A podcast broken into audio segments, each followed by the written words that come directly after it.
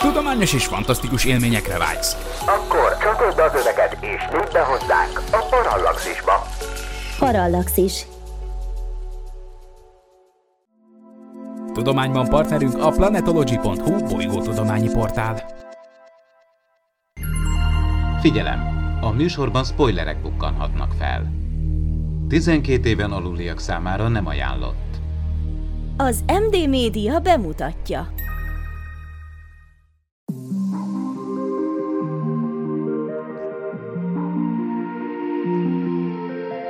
Tudományos és fantasztikus élmények Erzsóval, aki pedagógus, Gergővel, aki geográfus, és Nándorral, aki környezetkutató.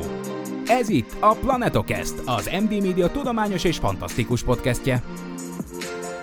Nagy szeretettel és tisztelettel köszöntöm kedves hallgatóinkat. Sziasztok! Ez a Planetokest első évadjának első adása. A mikrofonnál Rezsabek Nándor.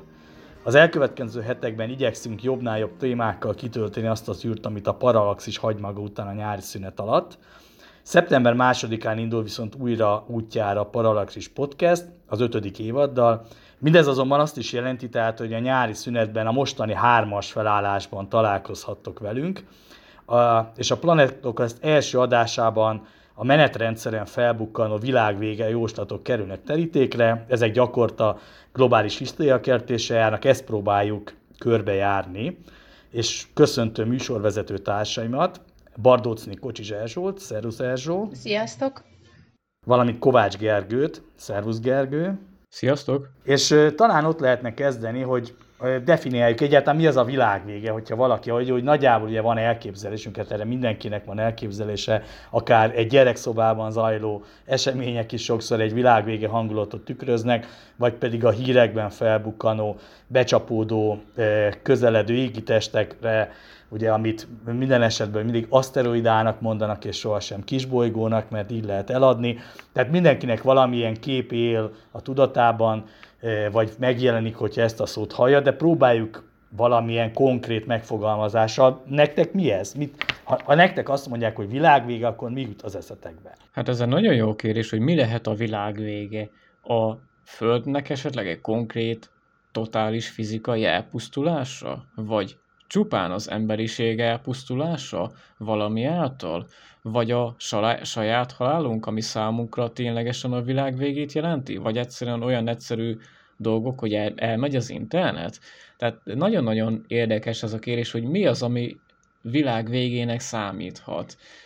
Tanástalan vagyok, hogy, hogy, hogy tényleg, hogy, hogy az, ami, az, amit sokan világ végének mondanak, mit gondoltok. Ezek mind sétémelhetnek, és itt a tovább gondoljuk, ugye, amit te mondtál, hogy az egyéni életben, hogy nem feltétlenül ilyen konkrét dolgok például, hogy nincsen internet, amikor éppen szükség lenne rá, vagy hanem ilyen, akár ilyen egyéni életkatasztrófák is, amik jöhetnek, tehát hogyha belemegyünk ilyen különböző történésekbe, amikor nagyon ilyen sorsfordulók, amik szintén lehet, úgy élhet meg az ember, hogy valójában élni fog, meg élve lesz, de a saját kis világának úgymond vége lesz, tehát akár egy vállás, vagy akár, ha belegondolunk a mostani érettségi időszak, ami a Covid időszakban volt, tehát egy 18 éves, akár azt is megérhette a saját kis világának a végének, hiszen egészen más típusú volt, és ezek is lehetnek, nem kell ahhoz kis bolygó, hogy valakinek így összeomoljon az egész élete, és újra kell építeni, tehát ezek is egyfajta egyéni világvégék lehetnek. Azt kell, hogy mondjam, hogy az, azért, azért elég tág fogalom a világvége, hogyha így tekintjük, tehát elég sok minden tartozik a világ végébe, éppen ezért elég nehezen tudom én komolyan venni ezt a szót, hogy világ vége. Hát megmondom őszintén, nekem, nekem egyből, hogy ez így ö, eszembe jut, nekem ö, ilyen természettudományos képek ugranak be, ugye akár a hógolyóföld, amiről majd beszélhetünk itt az adásban, de mondjuk legtöbbször ugye a saját témáim, ugye egy, egy égítés becsapódása, ugye ez jelenik meg, de valóban, amit mondtak, ugye ez nagyon sok rétű, és a, a személyes szintű gyakorlatilag egy, tényleg egy teljes emberiséget foglalkoztató katasztrófáig terjedhet. Hát nézzük meg esetleg, hogy mondjuk a történelem során milyen ilyen események voltak, ahol ugye ezek előkerültek, és, és azt mondom, hogy ennek esetleg valami írásos nyoma van, vagy valahogy fönnmaradtak, vagy ugye a közelmúltban is nyilván emlékszünk néhányra, hogy nektek mi az, ami a, a, úgy mondom, hogy e, legelső, amivel említés szintjén az időben visszafelé találkoztatok? Valamilyen bibliai vonatkozás esetleg, vagy valamilyen ősi mítosz? Nekem először eszembe hogy ez lesz a téma, tehát nem is inkább ilyesmi konkrét tény jutott eszembe, hanem biztos, tudjátok, hogy rémlenek nektek, hiszen ti is szoktatok klasszikust hallgatni. Vannak ezek a Dies Irae feldolgozások, akár Bócátnál, vagy akár Verdinél, amikor ugye kimondottan arról szól, ugye, hogy ama végső harag napjáról, ugye a, amikor hatalmasnak szimfonikus zenekarok, fuvósokkal, meg dobókkal ugye elővezetik a, magát a zenei momentumot, és akkor szinte az ember látja is ezeket a később, ugye biztos előfordul ez a bibliai apokalipszis lovasait, ahogy a négy lovas így bevágtázik, és akkor, amit mondtatok, tehát, hogy hatalmas nagy villámok és égzengés, tehát, hogy egy, egy, tehát inkább ez, ez volt az első, amilyen feeling az, ami beugrik először, tehát mindenféle akár természettudományos, vagy akár irodalmi tény előtt, hogy a belegondolok, hogy egy ember életébe, tehát mekkora flash lehet ez, hogy ezt a zenét hallgatva, és akkor úgy beleindul, hogy akkor nézzük meg, hogy mik is voltak valójában. Tehát...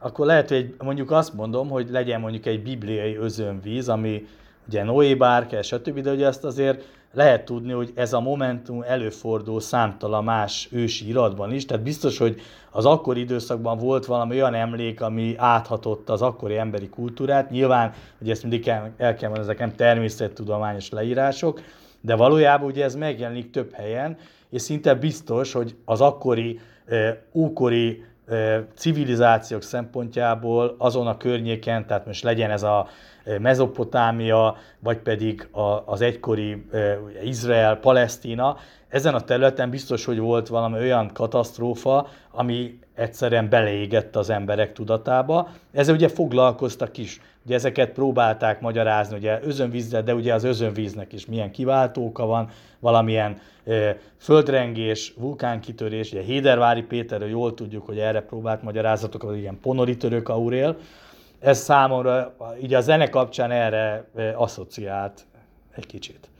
Egyébként, amit mondasz, ez a, hogy is hívják, ez az özönvízkép, ez nagyon érdekes, mert főleg, amit Polorirál is mondtál, hogy van egy nagyon klassz ábra az ő egyik könyvében, hogy ö, amit ugye a Biblia alapján ugye természetesen, hogy hogyan is történhetett ez az özönvíz dolog, ugye, hogy van a, tehát úgy kell elképzelni a földünket, mint hogyha egy tányér lenne, ez nem a lapos föld elméletről van szó, hanem tehát ugye a föld felszín, és ugye mint egy búra lenne felette az égbolt, és az égbolt feletti búrán felül vannak az úgynevezett égi légi vizek, és a földréteg alatt vannak az alsó vizek. És amit mondtál, hogy az az özönvízszerű állapot, ez az volt, mint akkor ez a felső meg alsó vizek összefolyhattak, és ez a természettudományos jelenség is, hogy ez hogy történhetett, vagy mi történhetett, hogy honnan jöhettek ezek a vizek, vagy ezek a hatalmas nagy áradások, amit te is mondtál, hogy ez nem csak ugye náluk jelik meg, hanem ugye az az adott kultúra körében is, de hogyha melegondolunk, ez az özönvíz téma, ez nem csak náluk fog megjelenni, hanem később például Nostradamus, ugye a nagy jós történetében, hát ő is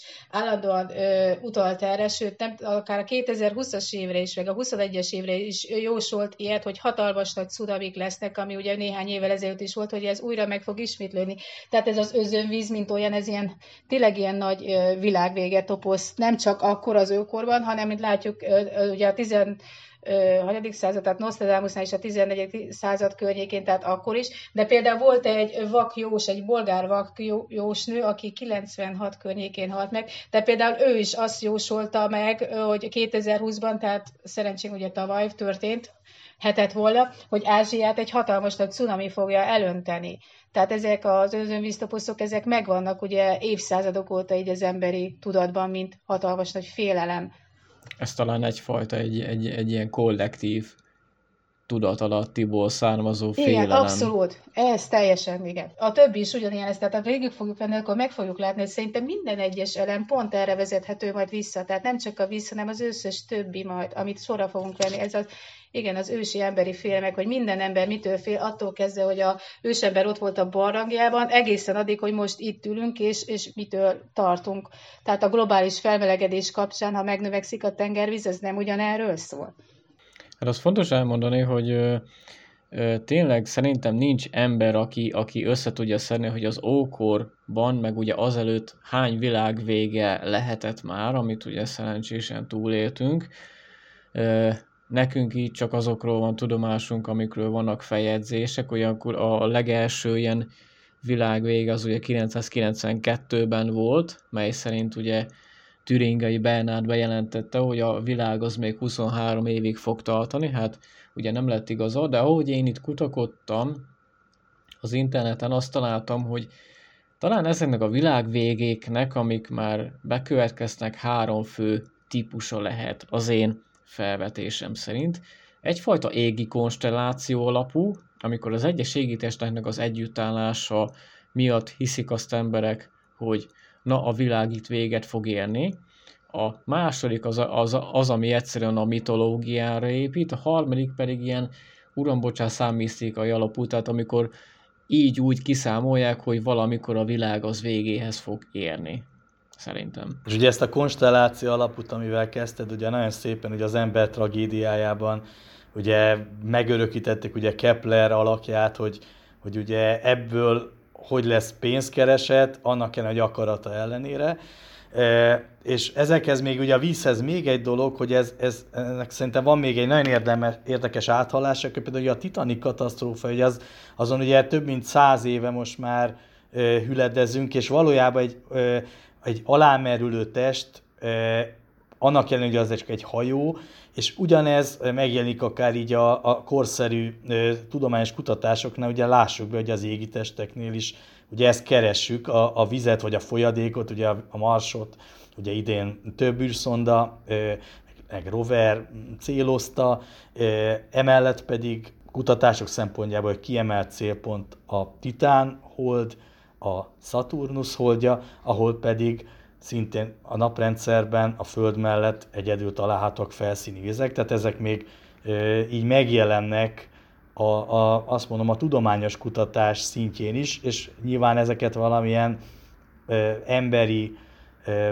motiváció mozgatja azon túl, hogy, hogy ez érdekes, azt mondom, hogy publikáció szempontjából, hogy ezt leírja egy kutató. Elég sok világvége gyűlt így össze. Akár is szó eshet mondjuk a Tycho de Brahe-nek a szupernovájáról, ugye 1572-ben, amiről tényleg azt hitték, hogy valamiféle előjele egy, egy ilyen rossz ómene lehet a világ végének, akár annak, hogy mondjuk 1665-ben, amikor éppen a pestis járvány közepén voltunk, tehát amikor dúlt a pest ugye azt hitték a világnak a végének, de hogy egy kicsit frissebbet említsek, a Héli üstököst, ugye azt, amikor, és ezt még Kulin György is megemlítette, az életrajzi kötetében olvastam, hogy ő még kisgyerek volt, amikor látták az égbolton ezt a hatalmas nagy csóvály üstököst, mintha egy hatalmas a seprű lenne az égbolton, és ő, a ifjú gyerek Kulin György nem értette, hogy az emberek mitől rettegnek.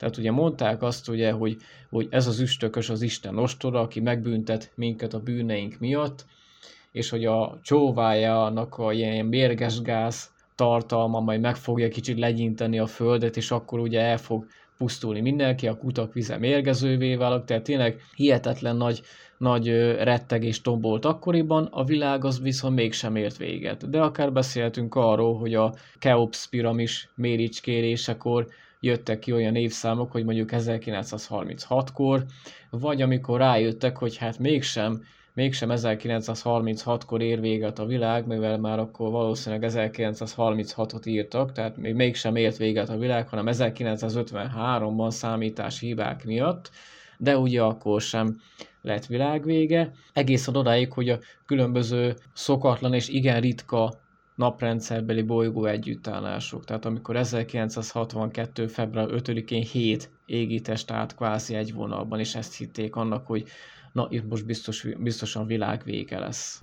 És nagyon érdekes, hogy sokszor ezek az említett csillagászati jelenségek egy-egy ilyen paradigmaváltáshoz is kötődtek. Ugye Tycho Brahe-t említetted, ugye az 1500-as évek végén, akiről ugye tudni kell, hogy az utolsó olyan jelentős csillagász volt, aki még a távcső felfedezése előtt dolgozott, ugyanakkor hihetetlenül pontos méréseket hajtott Zseniális végre. csillagász volt nagyon. Tehát Így van, és lényegében Kepler az ő munkatársaként, vagy az ő alapjaira építve tudott tovább lépni, és ez valóban így van. És utána változott a világ, és a, a távcsöves megfigyelések egy új korszakot jelentettek, de említetted Kulin Györgyöt is, aki valóban ugye 5 éves gyerekként félt és megijedt az üstököstől, talán el is bújt az asztala, vagy az ágy alá, volt még egy ilyen szál is ennek a történetnek, utána pedig ő maga később üstökös felfedező, az első magyar üstökös felfedező lett. Úgyhogy érdekes módon egy-egy ilyen félelem vagy, vagy elképzelés utána egy, ugyanannál az embernél, vagy egy adott korszakot követően egy, egy, egy más irányba vitte a tudományt.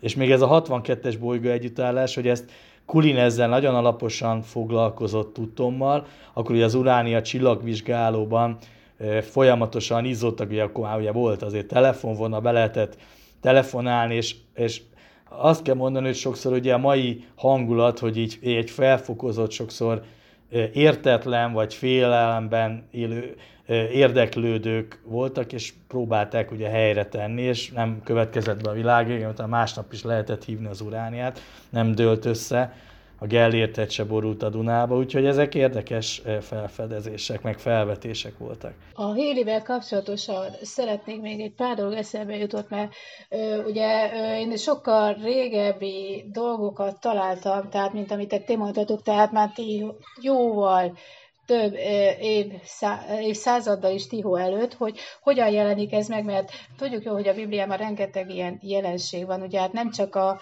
jelenések könyvének az apokalipszise, mint olyan, ami fontos lehet, hanem már korábban az Ószövetségi részben is nagyon sok ilyen ö, momentum van, ami ehhez kapcsolódik, és kimondottan a Héli üstökösnek és vannak különböző nyomai, amit nem is tudnánk, hogy mi az, mert ugye használjuk a kifejezéseket is, meg a szófordulatokat is, de nem is tudjuk valójában, hogy miről beszéltünk, még mire is gondolok többek közt. Több profétánál jelenik ez meg a héli üstökös, mint olyan, és nem tudjuk, hogy arról beszélünk. Például ugye Dávid királynak ugye neve ugye mindenkinek ismerős, ha más nem, ugye, ugye, hogy ő volt Salamonnak az apja, tehát az első nagy jelentős király ugye Izrael történetében. Tehát például, amikor ő írja, hogy az Úr angyalának kivont kardját látja az égbolton, tehát ezt vissza tudták számolni, hogy az ő, amikor ő volt király, hogy ez mi lehetett valójában, mert ez a kivont kard, mint olyan, ez olyan körülmények között jelentben, amivel vissza lehetett következtetni, tehát Ponori előttök jó értekezést tart, hogy ez nem volt más, mint valószínűleg hogy a héli üstökös. És nem csak nála jelenik ez meg teljesen más. Tehát ugye elképzeljük egy üstököst, ahogy van a feje meg a csóvája, tehát teljesen olyan tényleg, mint hogyha egy kardot láthatnánk. Tehát Dávid ugye nem tudta értelmezni, hogy mi az, amit lát, hiszen nem képzett csillagász volt, hanem maximum a landművészethez értett. Ugye? De, de hogy ezt, ezt, ez egy kardnak képzelt el, és valószínű, hogy ez a héli üstökös lehetett. De nem csak nála volt, aztán későbbi profétáknál is ugyanúgy megjelent. Tehát Jeremiás proféta, ugye, aki siratja Jeruzsálemet, ugye nagyon szép ilyen sorai vannak, amik nagyon ilyen lirikusak és szívbe markolóak. Nála például ez az egész egy gőzölgő üstként jelenik meg.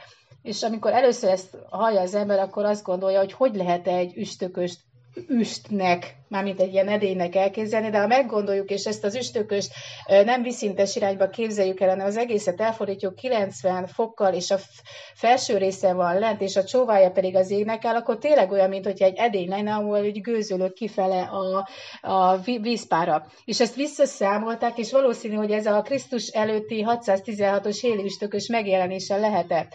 És még egy, ami szintén érdekes, hogy Dániel profétának a története talán többeknek ismerős lehet, amikor ugye vannak a királyi udvarban, és egyszer csak megjelenik egy kéz a, és a falra felér egy szöveget, ez a mene-mene tekel ufászín, hogy az vajon mi lehet. És ugye ez nem, amit akkor ezt megpróbálják visszafejteni, hogy ez vajon mit jelenthetett, tehát ez az emberi újak jelennek meg, valószínűsíthető, ugye, hogy ez is egy ilyen szimbólumrendszerbe érthető az egész, hogy ez is a Krisztus elétű 540-es héliüstökös megjelenése lehetett. És ezt általában nem szokta tudni az ember, tehát hogyha még maga forgatja is a Bibliát, vagy olvasja is ezeket a történeteket, tehát az, hogy az Úr angyalának kivont kardját látok, akkor mindenki egy teljesen ilyen szárnyas alakra ugye, asszociál rögtön, akinek egy rendes kard van a kezébe, és nem jut eszébe, hogy ez valójában a héli üstökös volt az, amit először láthatott Dávid király, ugye jó pár évszázaddal előttünk, csak nem tudta ugye értelmezni, hogy mi az, amit lát. De ugyanígy mondom, hogy a profétáknál is megjelent a héli üstökös, mint olyan, tehát nem csak a későbbi századokban, hanem ilyen egészen ősi leírások is vannak róla, amiket csillagászati számításokkal vissza lehet számítani, és be lehet bizonyítani, hogy ténylegesen azokról volt szó. Ugye az üstökösök mellett a kisbolygók is megjelennek, mint potenciális világvége okozók. Erről azért azt el kell mondani, hogy 1960-as években lett az egyértelmű, párhuzamosan a Holdnak a vizsgálatával, illetve a földi meteorit krátereknek, amit akkor még ugye nem tudtak, tehát vita tárgyát képezte, hogy ezek kozmikus, vagy vulkanikus, vagy valami más földtani folyamat eredményeként jöttek létre, de ezek együtt jártak, tehát a kisbolygók érdekes mód azért ugye akkor még nem tűntek veszélyesnek, mert olyan nagyon feltűnő fényes kisbolygót nem lehetett látni, esetleg csak üstökös.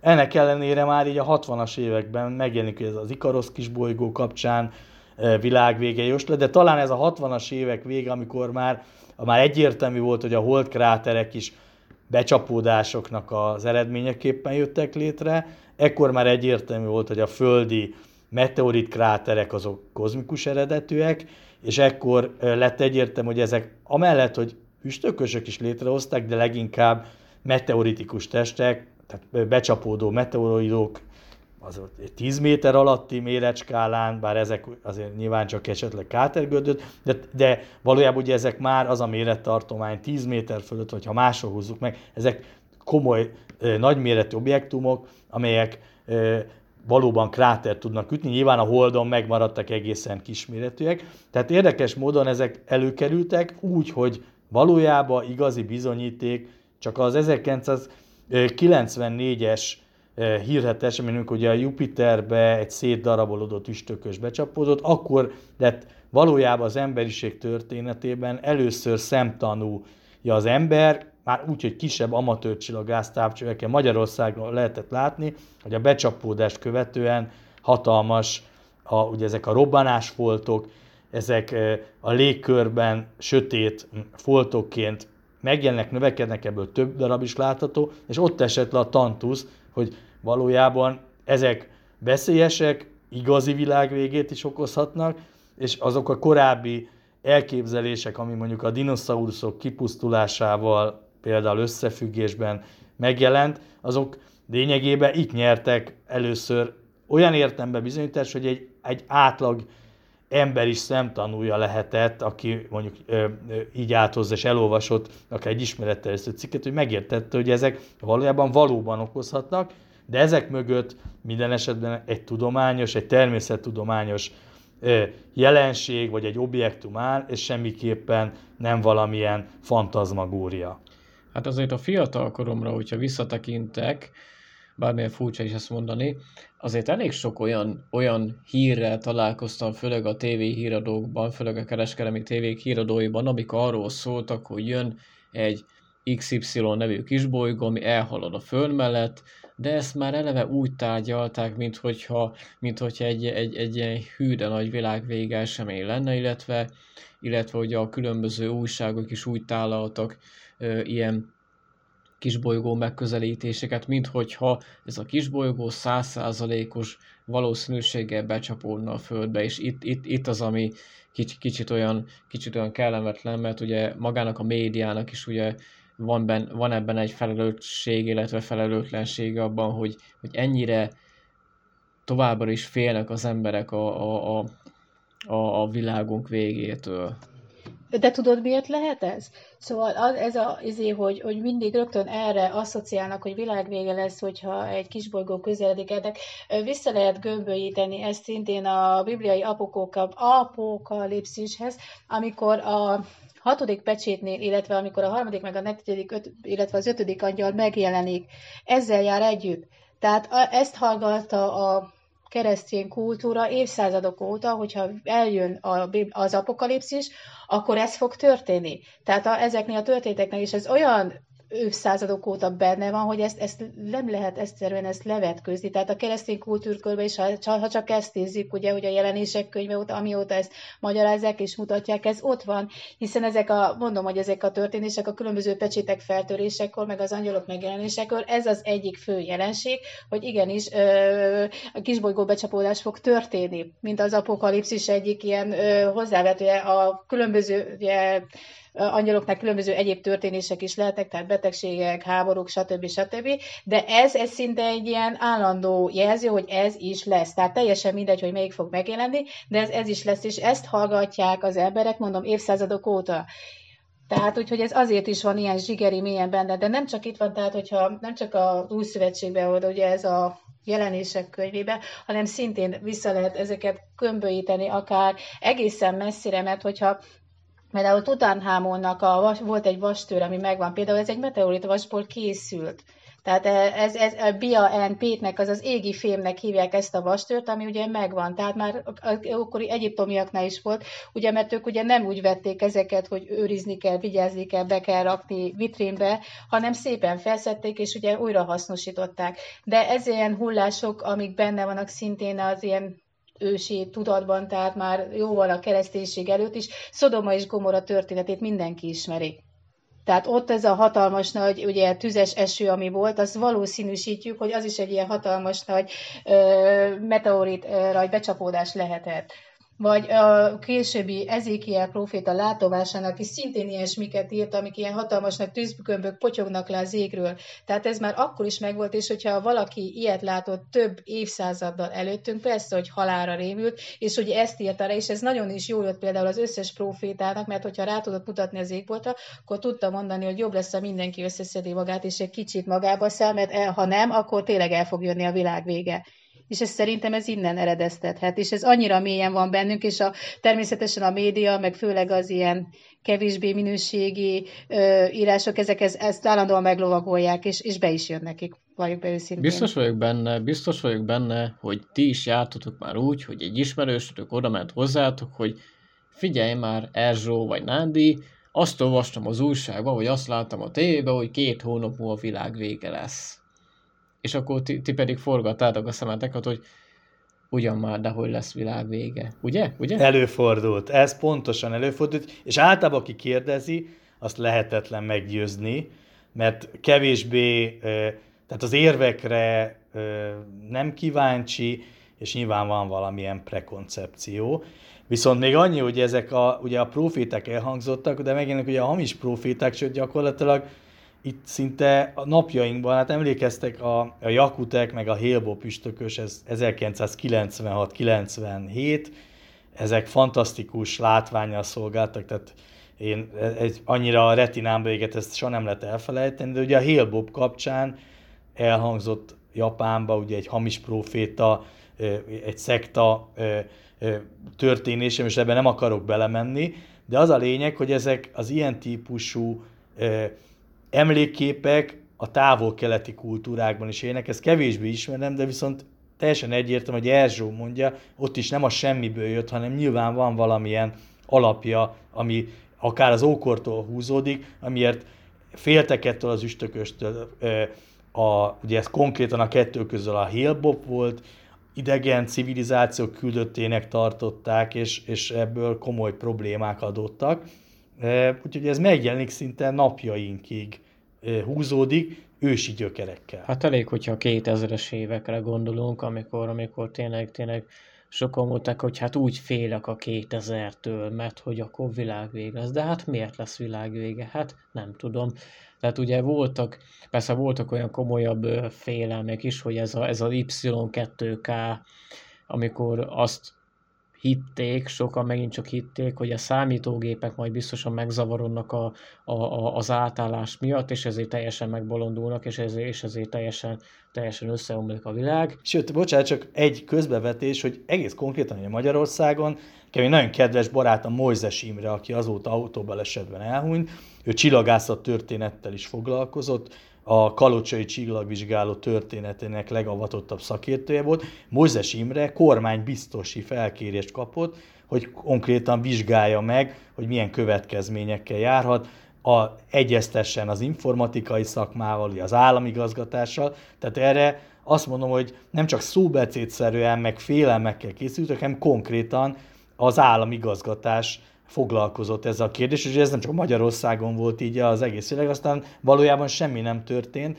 szegény Imre barátomnak nem volt feladata, de attól függetlenül erre nagyon komoly költségvetési támogatásokat, meg külön célösszeget biztosítottak Magyarországon is. De az az érdekes, hogy lehet, hogy nem volt végül is semmi komoly probléma, de, de nem tudom, hogy tehát ö, volt akkoriban egy kép is keringett, meg ké, ö, 2000 januárjában én is jártam, hogy, hogy amikor bankautomatából vettél ki pénzt, érdemes volt megnézni, hogy hanyas dátumot nyomtatott rá ki a gép mert nem egyszer futott bele az ember 1901-es dátumokba, tehát hogy annyira nem sikerült ez az átállás, és ez roppant vicces volt egyébként, hogy úgy vettél ki pénzt, hogy a rajta lévő dátum az nem 2000-es volt. De én erre emlékszek, mert ugye mert eléggé nagy voltam akkor, ugye, amikor ugye 99-2000-es volt, és biztos emlékeztek rá, hogy akkor is mekkora nagy vita volt ebben, hogy most ez ezredforduló, nem forduló, vagy mikor van az ezredforduló matematikailag, hogy mikor van ugye ez a századszámítás, tehát ebből is hatalmas nagy ilyen viták voltak voltak, hogy most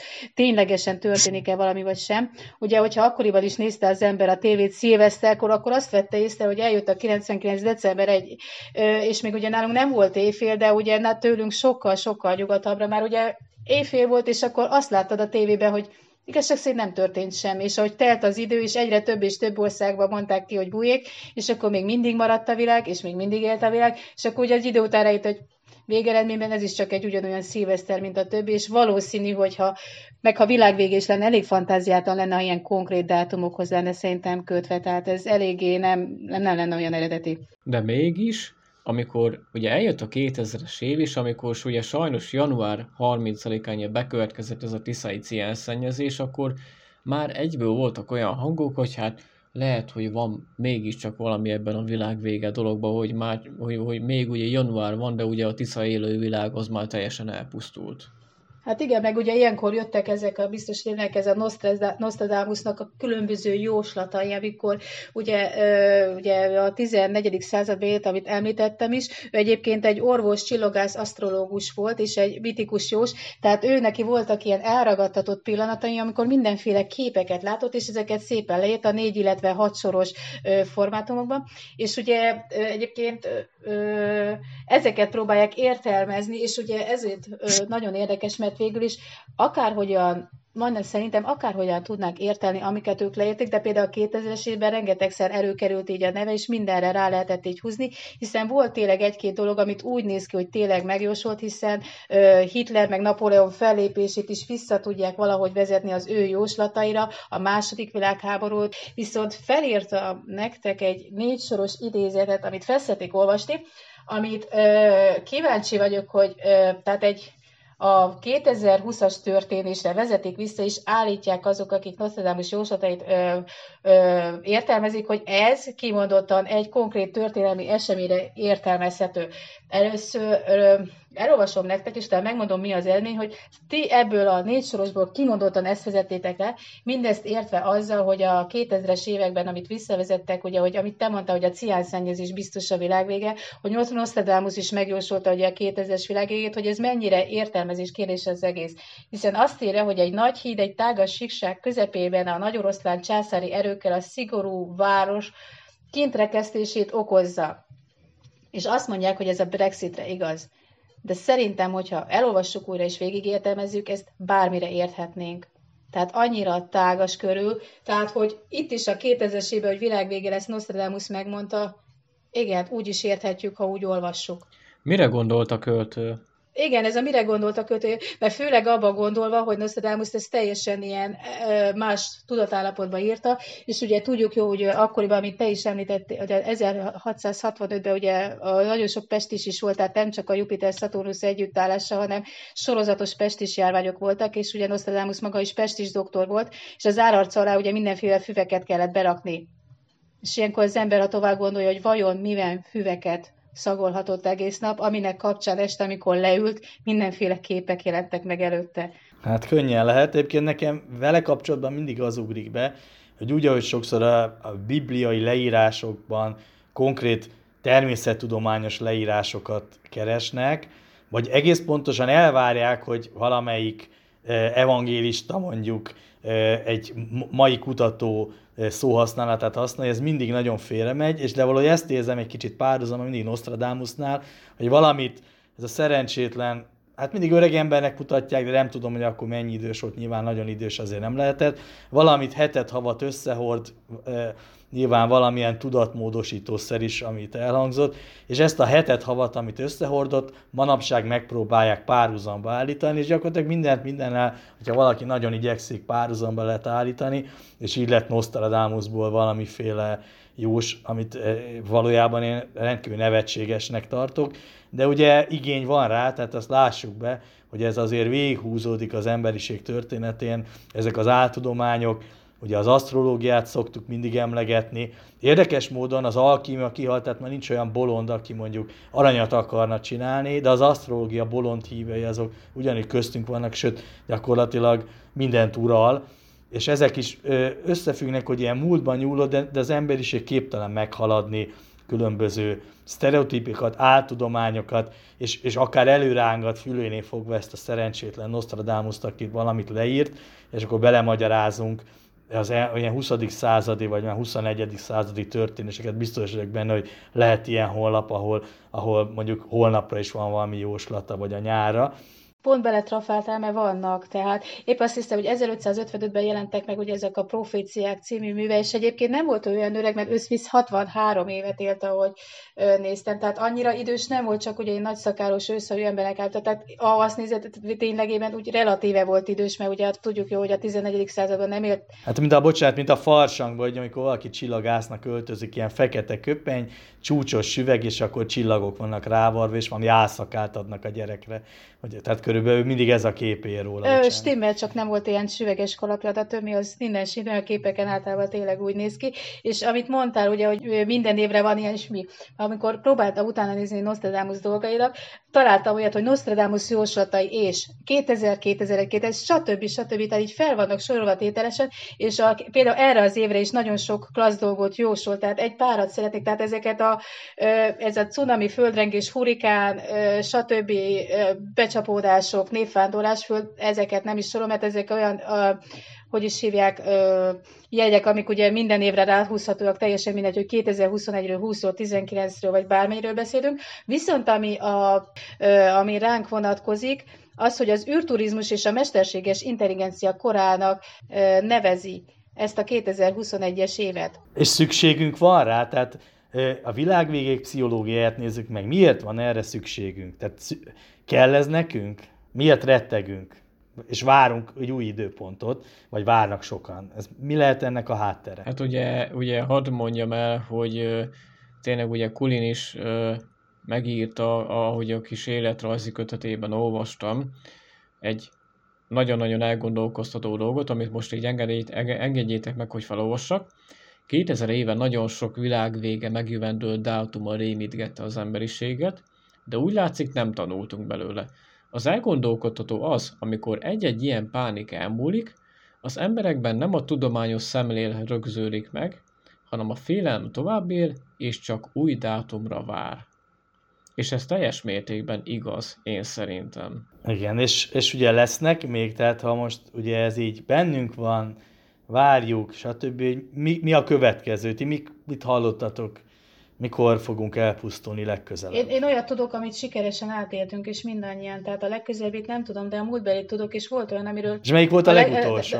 Várjunk csak, mit Tehát ö, várj meg, emlék, a 2012. december 21-re talán mindenki emlékszik, tehát ez úgy megvan, de a másik, ami nekem meglepő volt, amiről nem is tudtam, hogy átéltük, a 2014. február 22-i világvégét, mert ugye azt nem fújta fel annyira a média. Tehát először inkább, hogy a 2012. december 21-én, tehát épp azt beszéltem a a nagyobbik gyerekem, amikor nézte, amikor hogy készülni fogok, hogy mi is ez valójában, ugye erre ő is emlékszik világosan, mert ő már akkor iskolába járt, és ugye én nem tartom magamat egy olyan embernek, akit könnyen befolyásolni tudnak, ahogy te mondtad, mindenféle, mindenféle áltudományokkal, meg ö, ilyen asztrológiai, meg ilyen egyéb befolyásokkal, de annyira, nem tudom, hogy emlékeztek rá, de olyan keményen mondták akkor minden egyes vonalról, hogy itt lesz a maja időszámítás vége, ugye akkor volt ez talán ez a Nibiru asztalida becsapódását várták meg, hogy a 26 ezer éves csillagászati időszak véget ért, és a maja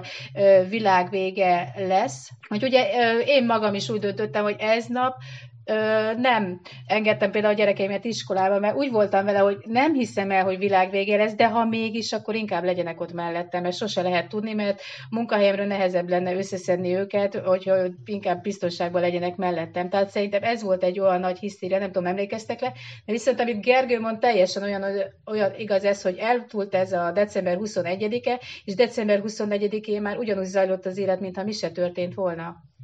Tehát teljesen így mentek tovább a hétköznapok. És hát, hogy a Nibiru, Nibiru is szóba jött, azért arról is egy, egy pár szót hadd említsek. Ez egy tipikus olyan, olyan égitest, ami, ami így, a, így a naprendszer égitestjeinek a, a, a, a mumusa, ami, ami, ami nem létezik. Tehát igazából hol úgy hivatkoznak rá, mint egy barna törpe, hol úgy, mint egy kis bolygó, aminek 25-szörös a földtömege, tehát teljesen, teljesen logikátlanságok alapján beszélnek erről az égétestről. Igazából nem is tudok mit, mit, mit mondani róla, ami, ami, ami, ami alapján be lehetne határolni. Tehát ez, ez, ez gyakorlatilag az az égítest, ami, amit az embereknek a félelme formálnak. Tehát a, ami, ami, ami tényleg egy, egy, egy, egy, egy, egy ilyen naprendszerbeli mumus, ami jön valahol a naprendszeren, naprendszer határvidékéről, a naprendszer belsejébe, és aztán bejön, és, és, és akkor, és akkor egy, egy, egy, egy ilyen teljes kataklizmát idéz elő. Viszont, viszont ugye fel lehet tenni a kérdés, hogy hát akkor hogy, hogy nem látjuk már a Szaturnusz távolságából, mert már látszódnia kéne hogyha nincsen róla egy, egy, egy, egyetlen felvétel, egyetlen asztrometriai mérés. Semmit nem tudunk róla. Tehát ez, ez gyakorlatilag az az égétest egy, egy, egy mumus, nem létezik. És hát itt, itt, itt el kell mondjam azt, ami, amit ö, a félelemről olvastam múltkor, hogy, hogy tényleg a félelem olyan, mint, mint egy csukott ajtón át valaki, kinyitod az ajtót, és az ajtó mögött senki nem áll. Igen, ugye az üstökösök mondják sokszor, hogy a látható semmi, Ugye ez az égítés meg a láthatatlan semmi, és nagyon érdekes, hogy amit így mondtatok, hogy gyakorlatilag ez egy teljesen ilyen megfoghatatlan. Ugye én korábbi média szerepléseknél, amikor ez előkerült, mindig napra kész akartam, ez mindig kérdés, és így próbáltam nekiülni, hogy, hogy erre valami információt összeszedjük, de valójában nekem soha nem derült hogy micsoda, biztos lehet valami ostobaságot találni, de egy olyan konkrét megfogható dolog, mint hogy most, mit tudom, egy üstökös becsapódástól félünk, mert világvége jön, az, az adott annak utána lehet nézni, így, amiket ugye emlegettetek is, számtalan megjelenést, amit ugye annak tulajdonítottak, de ott valójában volt valami égítés. De ennél mindig abba futottam bele, hogy valahogy nem találok róla információt, mert ez talán nem is létezik. Tehát ez egy ilyen megfoghatatlan, egy ilyen fantomszerű valami, ami, amire nincs épkézláb magyarázat. Viszont az, hogy mondjuk esetleg elolvassak valamilyen áltudományos leírást, az meg, tehát ahhoz meg gyomor kell, tehát az az igazság, attól meg próbálom magam távol tartani, tehát ahhoz kevés az idő. Úgyhogy így számomra sem derült ki, hogy micsoda, meg remélem nem is fog, meg úgy lekerül a napirendről, de érdekes módon ez állandóan előjön, hogy vannak ezek a ezek a fake news kategóriák, amik időről időre előjönnek, mert valaki kitalálja, vagy újra kitalál, vagy valami hasonlót, vagy előása, és ugyanazok így, ugyanazoktól elkezdünk félni és rettegni, vagy valós, vagy nem, vagy ostobaság, vagy nem, de nyilván az, hogy világ végét okoz, az biztos, hogy nem, mert akkor már bekövetkezett volna. Azzal, hogy azt azért ugye el kell mondani, hogy nyilvánvaló, hogy a, ahogy a csillagok élete is meghatározott, determinált, egy bolygónak is az emberhez hasonlóan. Tehát azt azért hozzá kell tenni, hogy egyszer ugye lesz olyan értelemben világvége, hogy a napunk is a működésében egy másik periódusba kezd, utána lényegében annak a csillagfejlődési fázisnak a végén ugye gyakorlatilag elpusztul, ugyanúgy a Földnél is igaz lesz ez, de hát akkor már emberiség a Földön biztos, hogy nem lesz, valahol lehet, hogy a kozmoszban igen, mert ez olyan távoli időszak, hogy hogy lehetőség lesz a csillagközi utazásra. Sőt, már ugye jóval előtte nem lesz élet a Földön, mivel a napnak a sugárzása annyira megemelkedik, meg, megnövekszik, hogy teljesen mindenféle élet eltűnik a Földünkről. Ahogy ugye folyamatosan emelkedik a napsugárzása, miközben vörös óriássá válik. Úgyhogy lesz világ vége ilyen értelemben, de azt azért mindig el kell mondani, hogy ez, ez egy valós természettudományos hátterű történés, és ezek az időskálák, ezek eltérőek, tehát ez nem azt jelenti, hogy amit említettél a piramisnál, hogy mondjuk 1936-ot számoltak ki, és akkor már közel voltunk, akkor á, újra számoltuk, ez 1953, aztán mégsem, mert lehet, hogy két nap múlva, meg a, ugye a 2000-es év, hanem ezek ilyen, úgy mondom, hogy emberi észsel felfoghatatlan, geológiai értelemben, nyilván azért magyarázható és közelíthető, hogy csillagászati értelemben, meg pláne őt itt már ugye azt mondom, ilyen kozmikus idő skálákról beszélünk, tehát ez lesz, de amikor valaki viszont ilyen hétköznapi vagy bulvár szintű világvégékkel jön, soha nem erre, e, vagy ilyen típusú eseményekre gondol, hanem valamilyen tényleg sokszor nevetséges, vagy, vagy beképzelt, egy valós hátterű, de de csak elképzelt eseményre, tehát ezek között mindig érdemes eh, határt vonni, viszont ha valakit mondjuk ezek a természettudományos világvégek, katakizmák érdekelnek, ennek mindenképpen megbízható forrást találunk, tehát számtalan, azt mondom így a kedves hallgatóknak is számtalan ilyen ismeretterjesztő kötet megjelent, vagy cikk, videó, stb., de viszont nagyon észnél kell lenni, mikor az ember ezekből válogat, vagy ilyennek próbál utána nézni, mert ezek, ezeknél nagyon lyukra lehet futni és belefutni valamilyen ostobaságba. Akár egy könyvesboltba, ahol sokszor ezek az áltudományos, meg ezoterikus művek nagyobb teret kapnak, mint a csillagászat, vagy bármilyen természettudomány. Talál valami, de lehet, hogy ott van tíz másik, ami valamilyen totál bornírt ostobaság és, és félremagyarázás. Tehát azért ennél, ennél észnél kell lenni, hogy mit és hol érünk el, vagy fogadunk be. Na most én felteszem azt a kérdést, hogy szerintetek miért van szükségünk világvégékre? Szerintem ne, nem szükségünk van, hanem hogy adott a helyzet. Tehát például, hogyha történik egy holdfogyatkozás, vagy egy nagy fogyatkozás, tehát nem is nekünk van szükségünk, tehát ezt valahogy egyszerűbb azzal magyarázni, hogy valami nagyon durva dolog fog velünk történni, mint az, hogy ugye, főleg, hogyha nincsen meg a háttértudásunk. Tehát az, hogy ez, ez meg, meg erről nem is beszéltünk, tehát az, hogy ezek a, tehát amikor meg voltak ilyen különböző holdfogyatkozások, nagyfogyatkozások, amikor ö, olyan ö, emberekkel történtek olyan időben, akik nem igazán ismerték ennek a hátterét, hogy ez iszonyú nagy félelmet és rettegés váltott ki mindig az emberekből. Tehát ez, ez, ez akár például a, ugye biztos, ugye, amit Nándi is emlegetett ezeket a fals oldalaktól, ugye ked, nagy kedvenc ö, ö, szófordulatuk a vérhold. És ez visszadedesz, tehát ennek megtaláltam ugye a nyomát, hogy kinél fordult legelőször elő, tehát az Ószövetségben Jóel profétánál fordult először ilyenek, mikor ő látott ilyet, és ő azt írta, hogy az egész hold olyan lett, mint a vér. Tehát ő írta le először ezt a vérhold szót, amit ugye imád felkapni a bulvár, és tudjuk jól, hogy nem egyszer ö, találkozunk ebben szembe, és próbálunk ellene valamit tenni, hogy ez egyszerűen, mint olyan ö, nem létezik. De a jelenések könyvében is pontosan ugyanez van, amikor megjelenik a, jelen, a, a negyedik angyal, és akkor azt, fogja, azt mondja maga a János ö, proféta is, hogy a hold harmadát, amikor feltörte a hatodik pecsétet, a telihold olyan fog lenni, mint a vér. Tehát ez innen származik, és ugye ezt ugye tudjuk jól, ez, ez ismerős kifejezés mindenkinek. Hát azt kell mondjam, mondjam hogy az emberi természet az, az írtózik az információk hiányától, és hogyha nem találunk információt, akkor keresni kezdünk, néhány esetben pedig gyártunk információt, és igazából, igazából az embernek az alapvető bázikus félelmei kerülnek elő. Amikor, amikor valamit nem tudunk megmagyarázni, akkor, akkor előkerülnek olyan elméletek, amiknek a, a megalkotásában az embernek az alapvető tudatalatti félelmei materializálódnak. Nekem mindig akkor nyílik ki a bicska a zsebemben, amikor erre ráadásul egy üzletág épül.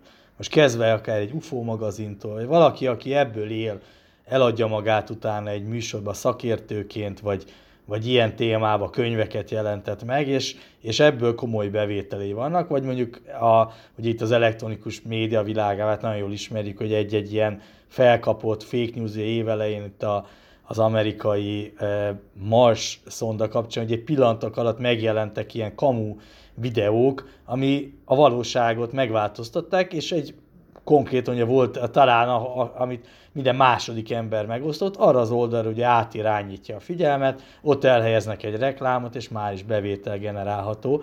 És még azt sem lehet elvárni, hogy mindenki képben legyen, mert nyilvánvaló, hogy olyan, hogy, hogy látszólag ugye ez, mint egy jó csalás, azt, azt, azt csak az avatott szem veszi észre, sokszor az sem, vagy csak második körben.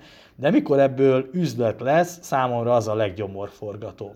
Hát az a gond, hogy az emberi természetnek nem alapeleme a kételkedés, sajnos.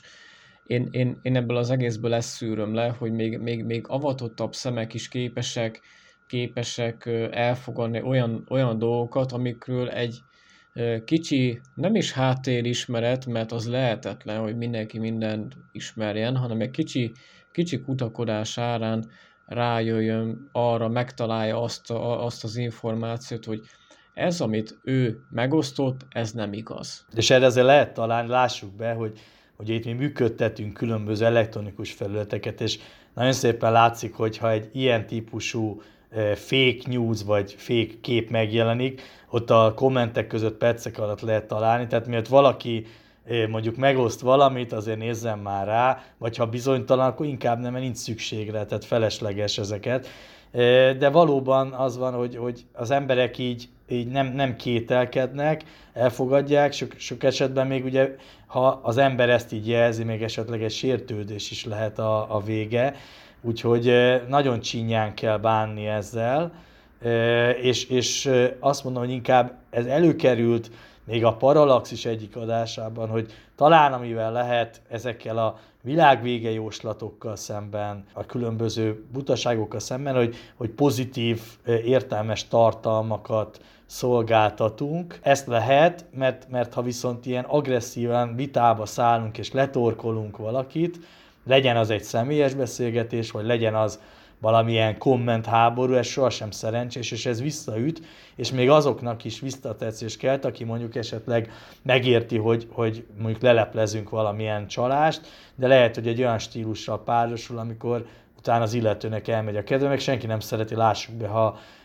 kioktatják, és, és ilyen felsőbb rendű módon viszonyulnak hozzá. Tehát ezek nagyon, mint ismeretterjesztők, tudom mondani, meg ugye ebben nagyjából van, ezt így sokszor beszéltük, hogy nagyon óvatosan kell kezelni az összes jövőbeli világvége eseményt is, tényeket sorolni, de nagyon finoman, óvatosan és, és, és kellő gondossággal, és érthető módon, hogy az, az ne hasson valami elefántcsontoronyból vett okoskodásnak, ahol a, a tudomány felkent hívei az egyszerű pornépet lealázzák és, és észt osztanak, úgyhogy ez, ez feladat, és komoly feladat, és, és ez azt mondom, hogy, hogy meg kell találni megfelelő csatornákat, embereket, módozatokat. Valószínű, hogy azért lehet ezeknek akkora nagy keletje, vagy azért kattannak annyira rá erre, hogy mert tényleg benne van az, hogy ez ami, hogy miért van erre szükség végül is, azért, mert ugye amikor aminek eleje van, annak kell, hogy legyen valami vége is. Tehát kell, valami, meg kell, hogy szűnjön valami, és valamilyen ö, drasztikus vagy katartikus végének kell lennie egy dolognak ahhoz, hogy utána mindent újra lehessen építeni, tehát jöhessen egy tökéletes megtisztulás, és lehet, hogy ezutáni vágy, amivel ez magyarázható, tehát hogy az egyén nem képes saját önön erejéből kilépni abból a bókuskerékből, amiben van, hanem egy ilyen külső hatástól vár segítséget, ami letörli az ő összes kis vacak dolgát, és akkor lehet egy újra kezdeni dolgokat, és lehet így megtisztulni, és lehet, hogy sokkal erősebb ez az ősi valamilyen vágy benne, mint hogy azt, hogy ö, utána akarjon járni, hogy valójában mi ennek a igazi, valós alapja. Tehát ezért nehéz szerintem nekünk, amit nem is mondott, ez, a, ez az ismeretteljesztés meg megértés, mert ezek a dolgok sokszor sokkal erősebbek lehetnek annál, mint hogy valaki leüljön és gondolkozik eljen, hiszen tudjuk jól, hogy ahhoz, hogy valaki gondolkozzon meg értelmezzen dolgokat, ahhoz nagyon sok idő, meg energia kell. Tehát az nem megy könnyen. Könnyebb elhírni egy ö, hamis képet, vagy egy bulvárhírt, mint leülni, utána olvasni, utána nézni. Ö, tehát az sokkal bonyolultabb, és sokkal egyszerűbb megoldás ez, mint hogyha tényleg valaki tudna, és ezért nagy ez a felelősség érzet, amit te is, ti is mondtok, hogy, hogy ezt a valahogy ebből kimozdítani a egyént, az, ez azért az nem semmi, és nem könnyű, de szerintem nem reménytelennek nem is szabad hagyni. Pont, pont, pont ezért gondolom azt, hogy szerintem egyetértetek velem abban, hogy ha azt mondom, hogy mi kellene ahhoz, hogy ne legyen több világvége, a válasz az, hogy egy tényleges világvége. Tehát sajnos szerintem az emberi természet nem fogja még e, e, ezt egy jó darabig elengedni, hogy ne legyen bármiféle világvége, hogy az, hogy az embernek a félelmei ne materializálódjanak bármilyen módon, legyen az egy aszteroida becsapódás, vagy egy szupernova vagy akármi hasonló, előrevetítve az embernek az esetleges kozmikus lény korszakára. De ugye megkérdezem tőletek, szerintek tettek most per pillanat, milyen világvége lehet? Mi jöhetne szóba? Hát én ugye kicsit visszautalok a kezdésre. Nekem ugye a saját területemet érintve én azt tartom esélyesnek, hogy valamilyen kozmikus test, ugye egy kis bolygó becsapódik, és ez egy olyan méretskálájú objektum, ami akár egy, egy, egy globális pusztulást jelent a Földön. Nyilvánvaló, ugye ennek megvannak a, a matematikai modell, mennyire valószínű, mennyire lehetséges. Nagyon embrionálisan, de megvannak a módozata, hogy hogy lehet esetlegesen elhárítani, de az, az hogy ez sikerülne, azt ugye nem lehet tudni, és az, hogy ennek van valószínűsége, azoknál az objektumok, amiket ismerünk, gyakorlatilag nagyon minimális, de úgy mondom, hogy, hogy ami okozhat, azt ennek e, tudom be, illetve a másik, hogy valamilyen olyan emberi hiba, ami esetlegesen egy, egy atomháború, egy valamilyen nukleáris katasztrófa, ami viszont a Földön pusztítja el a földi életet, az magának az emberiségnek a, a felelőtlensége okán. Én ezeket gondolnám. Tehát a fenntarthatóság klímaválság, amire úgy gondolom, hogy ami ilyen világvége állapotba vihetni az emberiséget, tehát hogy annyira tönkreteszünk magunk körül mindent, a természetet, stb. Tehát ez is valahol ilyen külső emberi tényező, csak én nem a háború vagy egyéb fegyverkezés vonalál közé tenném meg, hanem az, hogy, hogy, hogy, hogy, hogy, hogy a, egyszerűen a klímakatasztrófa olyan mértékű lesz, hogy az fog vezetni egy ilyen mértékű világ végéhez. És vagyok teljesen optimista, tehát azt kell mondjam, hogy ha lenne világ vége, akkor az a klímaváltozás, illetve a különböző emberi hozadékai vezethetnének ahhoz, hogy az emberi civilizáció nem azt mondom, hogy egyből véget érjen, hanem egy ilyen hanyatlásnak induljon. Elég, hogyha mostani, mostani pandémia szituációra gondolunk. Én igazából ezt, illetve, illetve egy, egy, egy, egy, egy ilyen globális, globális ö, katonai konfliktust látok esélyesnek, hogy mi az, aminek a legnagyobb esélye le- lehet? Hát bízunk benne, hogy az emberiség ezeket a hibákat elkerüli.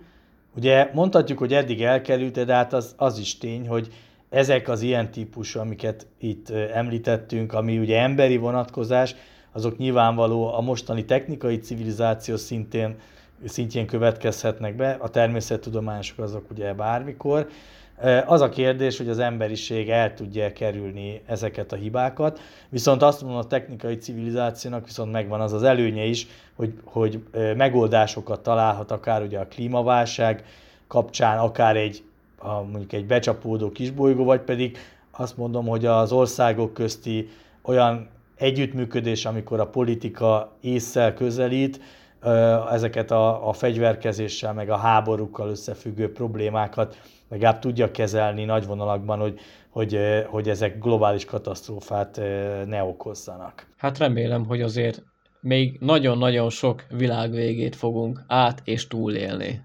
Azt hiszem, ez egy nagyon jó végszó volt. Egy első adás volt, hadd kérdezelek meg titeket, hogy éreztétek a beszélgetést, milyen volt, milyen benyomásaitok vannak? Teljesen, teljesen jó, jó, jó benyomásaim vannak, nagyon jól éreztem magam, nagyon érdekes kéréseket vetettünk fel, azt kell mondjam, és kíváncsi vagyok, hogy a következő epizódokban mikről lesz szó. Szint úgy, és ugye inkább bízni kell benne a végszó volt, hogy hát ha az emberiség tanult a múlt hibáiból, és tényleg egy kicsivel szebb és jobb világ felé fogunk mozdulni. És ezzel ugye műsorunk végére is értünk. Ez volt tehát a Planetok ezt első évadjának első adása. És hogy a felkonferálásban is említettem, hogy ebben a formában találkozhattok velünk a nyár folyamán, legközelebb június 10-én. Szeretném megköszönni kedves hallgatóinknak a figyelmet, a műsorvezető társaimnak, Bardócni Kocsis Elsőnek és Kovács Gergőnek a nevében is búcsúzom tőletek. Sziasztok! Sziasztok! Nem volt elég a tudományból és a fantasztikumból? Olvasd a parallaxis.emtv.hu, lájkold a Facebook oldalunkat, nézd a YouTube csatornánkat, és hallgassd a Szokolébresztőt a Tilos Rádióban. A Tudományos Újságírók Klubja és a Tudományos Ismeretterjesztő Társulat által a Juhari Zsuzsanna díj külön díjával jutalmazott blog podcastjét az MD Media készítette. Kreatív producer Horváth Ádám Tamás. Hamarosan jön a következő rész. Jelenlegi működésünk fenntartásához és fejlődéséhez most a te segítségedre is szükségünk van. Ha szívesen olvasol, nézel és hallgatsz minket, arra kérünk, hogy támogasd a Tudományos Újságírók Klubja és a Tudományos Ismeretterjesztő Társulat által 2019-ben a Juhari Zsuzsanna díj külön díjával jutalmazott Parallaxis csapatát. Kattints a donate.mtv.hu oldalra, és adományoddal segítsd a tudományos és fantasztikus ismeretterjesztést, hogy közösen eljussunk oda, ahová még senki nem merészkedett. Köszönjük! donate.emtv.hu